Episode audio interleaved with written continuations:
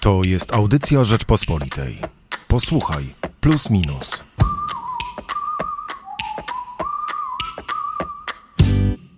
W najnowszym magazynie Plus Minus przyglądamy się zagrożeniu, które już chyba trochę uciekło poza nasze radary, czyli wirusowi zwanemu COVID-19. Dzisiaj porozmawiamy sobie o tym w redaktorsko-dziennikarskim duecie, bo jest ze mną autor tak zwanego tekstu otwarciowego, czyli tego, który rozpoczyna e, wydanie magazynu. Jędrzej Bielecki.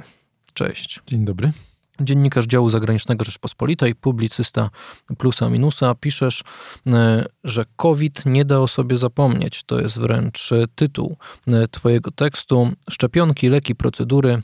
Świat jest dziś znacznie lepiej przygotowany na atak wirusa niż był w 2020 roku. No to chyba dobrze, że jesteśmy lepiej przygotowani. No z całą pewnością pytanie o to, czy te środki, którymi dysponujemy, szczepionki, ale także właśnie leki, doświadczenie, jeśli chodzi o zabezpieczenie, takie jak na przykład maseczki czy procedury, Wymienię tutaj tylko, tylko jedną, y, ale jest ich znacznie więcej, tylko ta okazała się szczególnie skuteczna, mianowicie paszport covidowy, który wprowadził prezydent Francji Emmanuel Macron. Paszport, który powoduje, że ten, kto nie ma dowodu zaszczepienia, owszem, może funkcjonować, ale nie wejdzie do restauracji, y, baru, biblioteki czy jakiegokolwiek innego miejsca publicznego. To wszystko mamy, to wszystko jest gotowe, no ale jednocześnie nastąpiło takie uśpienie, zmęczenie tym wirusem, uznanie, że nie jest już on groźny, no a tak właśnie nie jest. Y, okazuje się, że wciąż y, stanowi zagrożenie.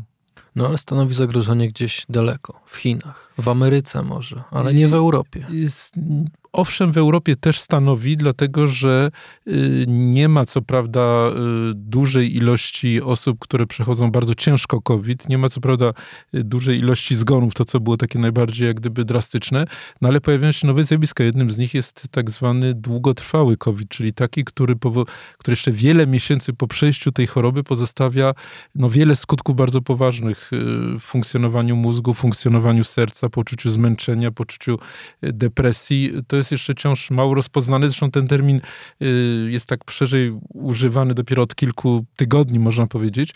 No ale dla tych osób, które to, to, to mają, no to jest to bardzo poważna sprawa. No i ocenia się, że od 10 do 30% chorych właśnie na to zapadło. Ale myślę, że nasi słuchacze, potencjalni czytelnicy, pewnie są trochę zaskoczeni tym, że my się przyglądamy koronawirusowi w momencie, kiedy jest wojna na wschodzie, w momencie, kiedy wciąż jest zagrożenie, że ta wojna rozleje się poza Ukrainę. Wydaje się, że jeszcze jak spojrzymy na sytuację gospodarczą, inflację, problemy z kredytami, no ten wirus panie redaktorze, no, nie wydaje się jakimś wielkim zagrożeniem mimo wszystko. No ja się obawiam, że tutaj yy, z pańskich ust yy, przedziera taka no, zaściankowość, powiedziałbym, dlatego że ten wirus na tym, nawet na tej płaszczyźnie takiej geostrategicznie może mieć daleko idące skutki. A dlaczego? No właśnie ze względu na wspomniane Chiny. Tam przewodniczący Xi wprowadził taką politykę zero COVID COVID-u. Y, nie to, żeby on był takim wielkim y, zwycięzcą i, i, i, człowiekiem, który do tej pory tak ściśle się trzymał zasad. Przypomnę, że kiedy po raz pierwszy pojawił się ten, ten wirus w Wuhanie, y, gdzieś na przełomie października i listopada 2019 roku i został rozpoznany, to tenże Xi bardzo długo utrzymywał to w tajemnicy, co spowodowało rozwój tego wirusa. Chciał pokazać, że Chiny funkcjonują znakomicie.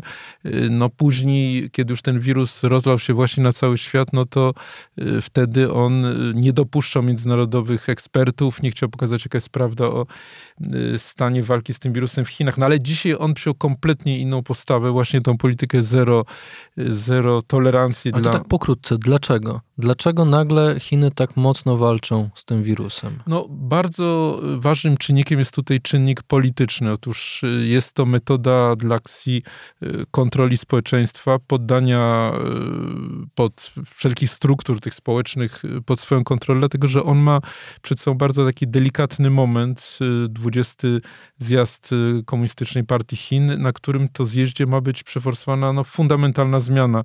Chodzi o to, że on będzie mógł bezterminowo sprawować urząd przewodniczącego Chińskiej Republiki Ludowej. Dlaczego to jest tak istotne? No, dlatego, że Deng Xiaoping po śmierci Mao, kiedy doszedł do władzy w 1978 roku, no właśnie wprowadził tą reformę. Chodziło to, żeby więcej nie pojawiła się taka, nie pojawił się na czele państwa taki tyran, żeby nie doszło do, do takiej zbrodni, jakiej się dopuścił Mao. One 45 milionów zabitych tylko w czasie tak, tak zwanego wielkiego skoku do przodu, tej, tej kolektywizacji.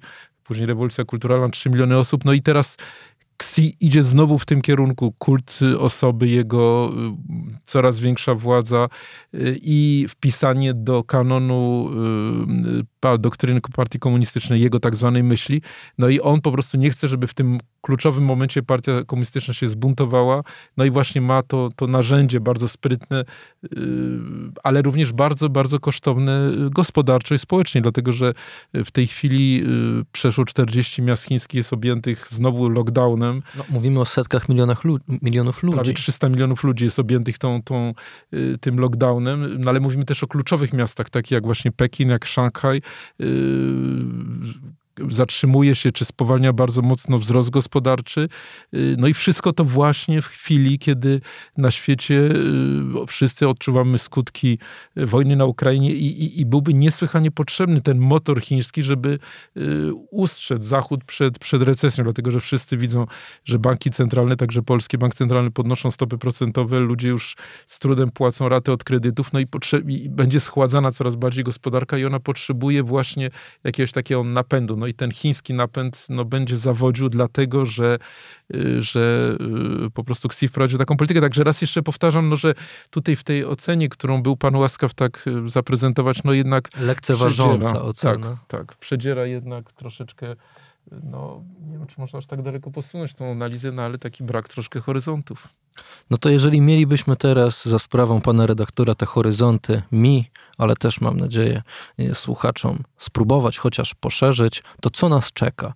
Czy ten wirus zostanie z nami już na zawsze, czy on dalej będzie takim e, problemem, czy wręcz prognozowanie dzisiaj czegokolwiek mija się z celem?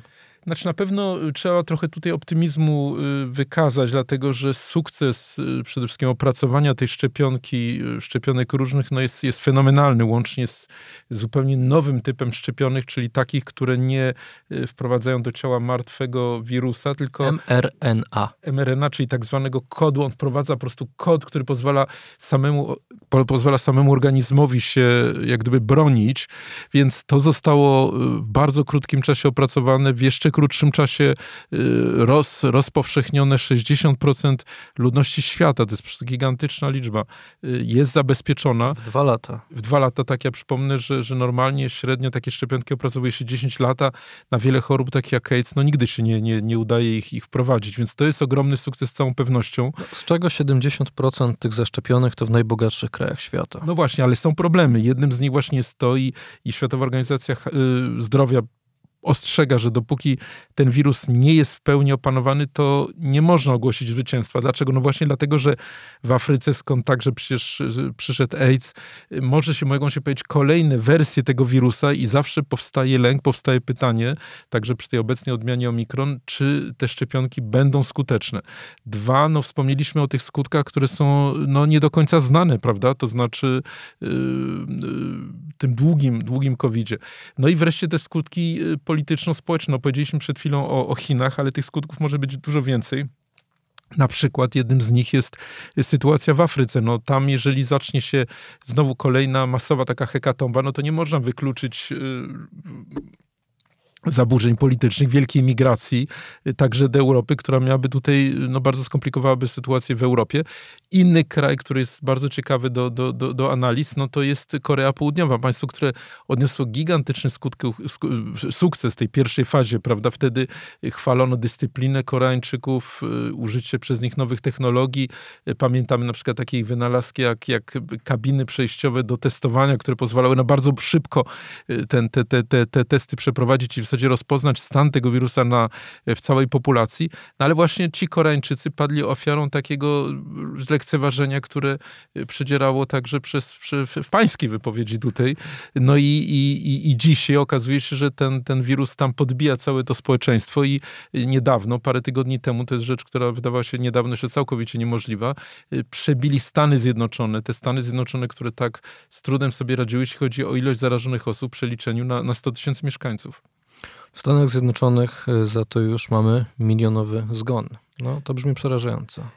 No, tutaj jest kilka punktów. No, po pierwsze, czy mówimy o, o, o kraju, który ma 330 milionów ludzi, więc to jest, to jest pierwsza rzecz. Dwa, no jednak kraj, który mimo tych na początku tych niepowodzeń, no jednak bardzo masowo później testował y, ludzi, więc jak gdyby y, potrafi być może w większym stopniu wy, wy, zidentyfikować tę, tą przyczynę zgonu prawdziwą, która nie wszędzie y, jak gdyby jest. Y, no ale z drugiej strony faktem jest, że oczywiście to jest, to jest, to jest, to jest bardzo dużo, to jest dużo więcej niż na przykład ofiar y, amerykańskich w, w, w pierwszej, drugiej wojnie światowej. To jest 20 razy więcej niż na przykład ofiar wojny w Wietnamie. No i stąd dyskusja w tej chwili, czy nie powinno się zbudować takiego właśnie osobnego memoriału, pomnika w Waszyngtonie tym ofiarom. No to stąd właśnie tytuł, drodzy Państwo, COVID nie da o sobie zapomnieć, a rozmawiałem o tym artykule i o tym problemie z autorem otwarciowego tekstu w najnowszym magazynie Plus Minus, Jędrzejem Bieleckim. Bardzo Ci dziękuję. Dziękuję najmocniej. Plus minus. A w najnowszym magazynie Plus Minus o złudnym końcu pandemii pisze nie tylko Jędrzej Bielecki, ale mamy też dwa kolejne teksty.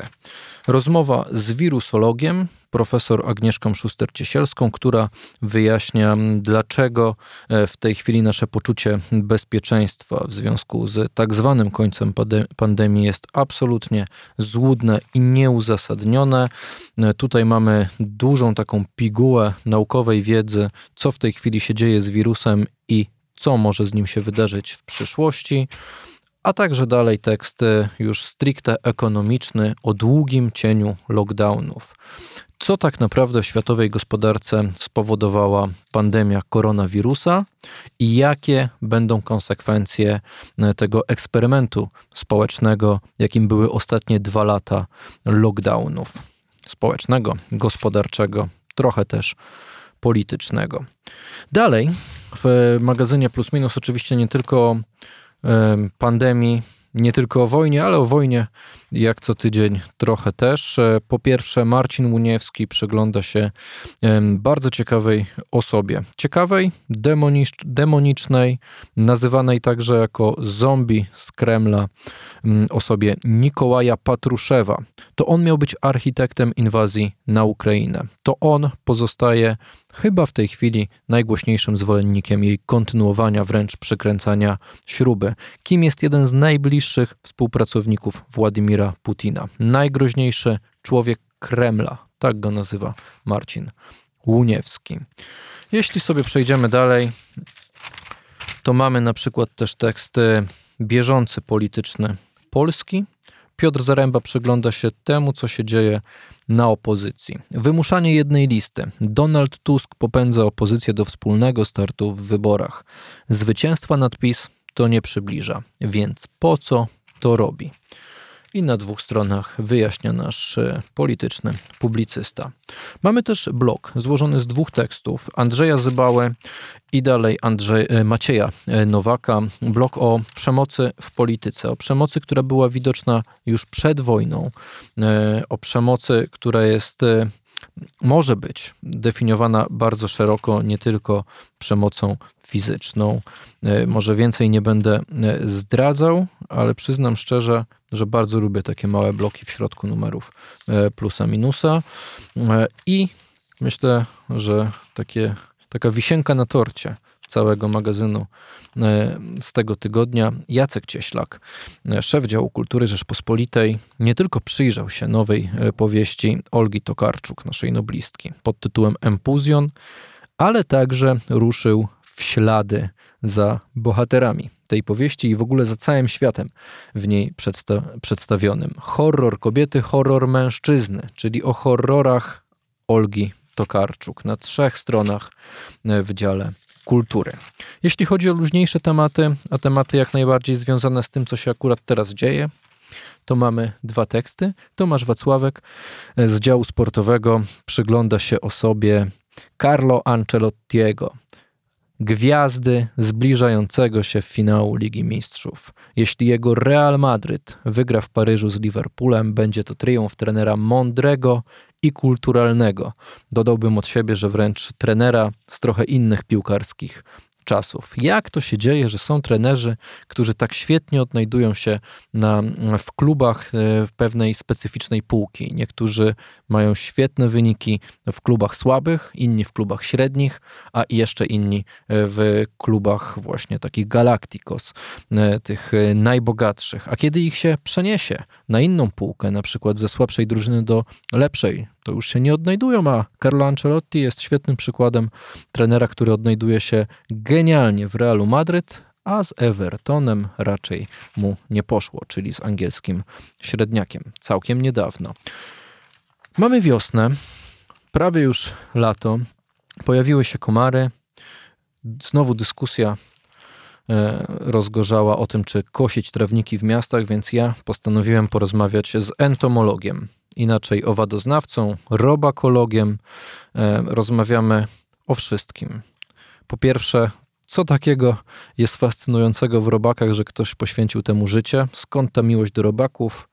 E, przez tematy, jaki jest w ogóle sens istnienia komarów i czy e, entomolog nie ma wyrzutów sumienia, albo czy to nie jest hipokryzja, e, kiedy wyrzuca z domu, albo wręcz zabija komary, czy cieszy się, jak widzi w domu mrówki, no ale też właśnie poważniejsze tematy, czyli czym jest tak zwany bee-washing.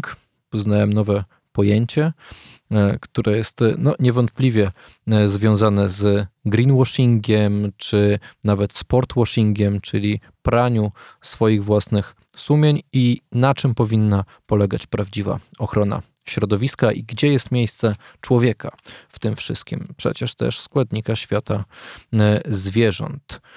Maciej Krzyżyński, entomolog, licz robakom nogi. Taki tytuł nosi wywiad który przeprowadziłem do tego numeru.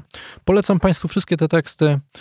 Polecam sięgnięcie po najnowsze wydanie magazynu Plus Minus. Mam nadzieję, że znajdą tam Państwo coś dla siebie.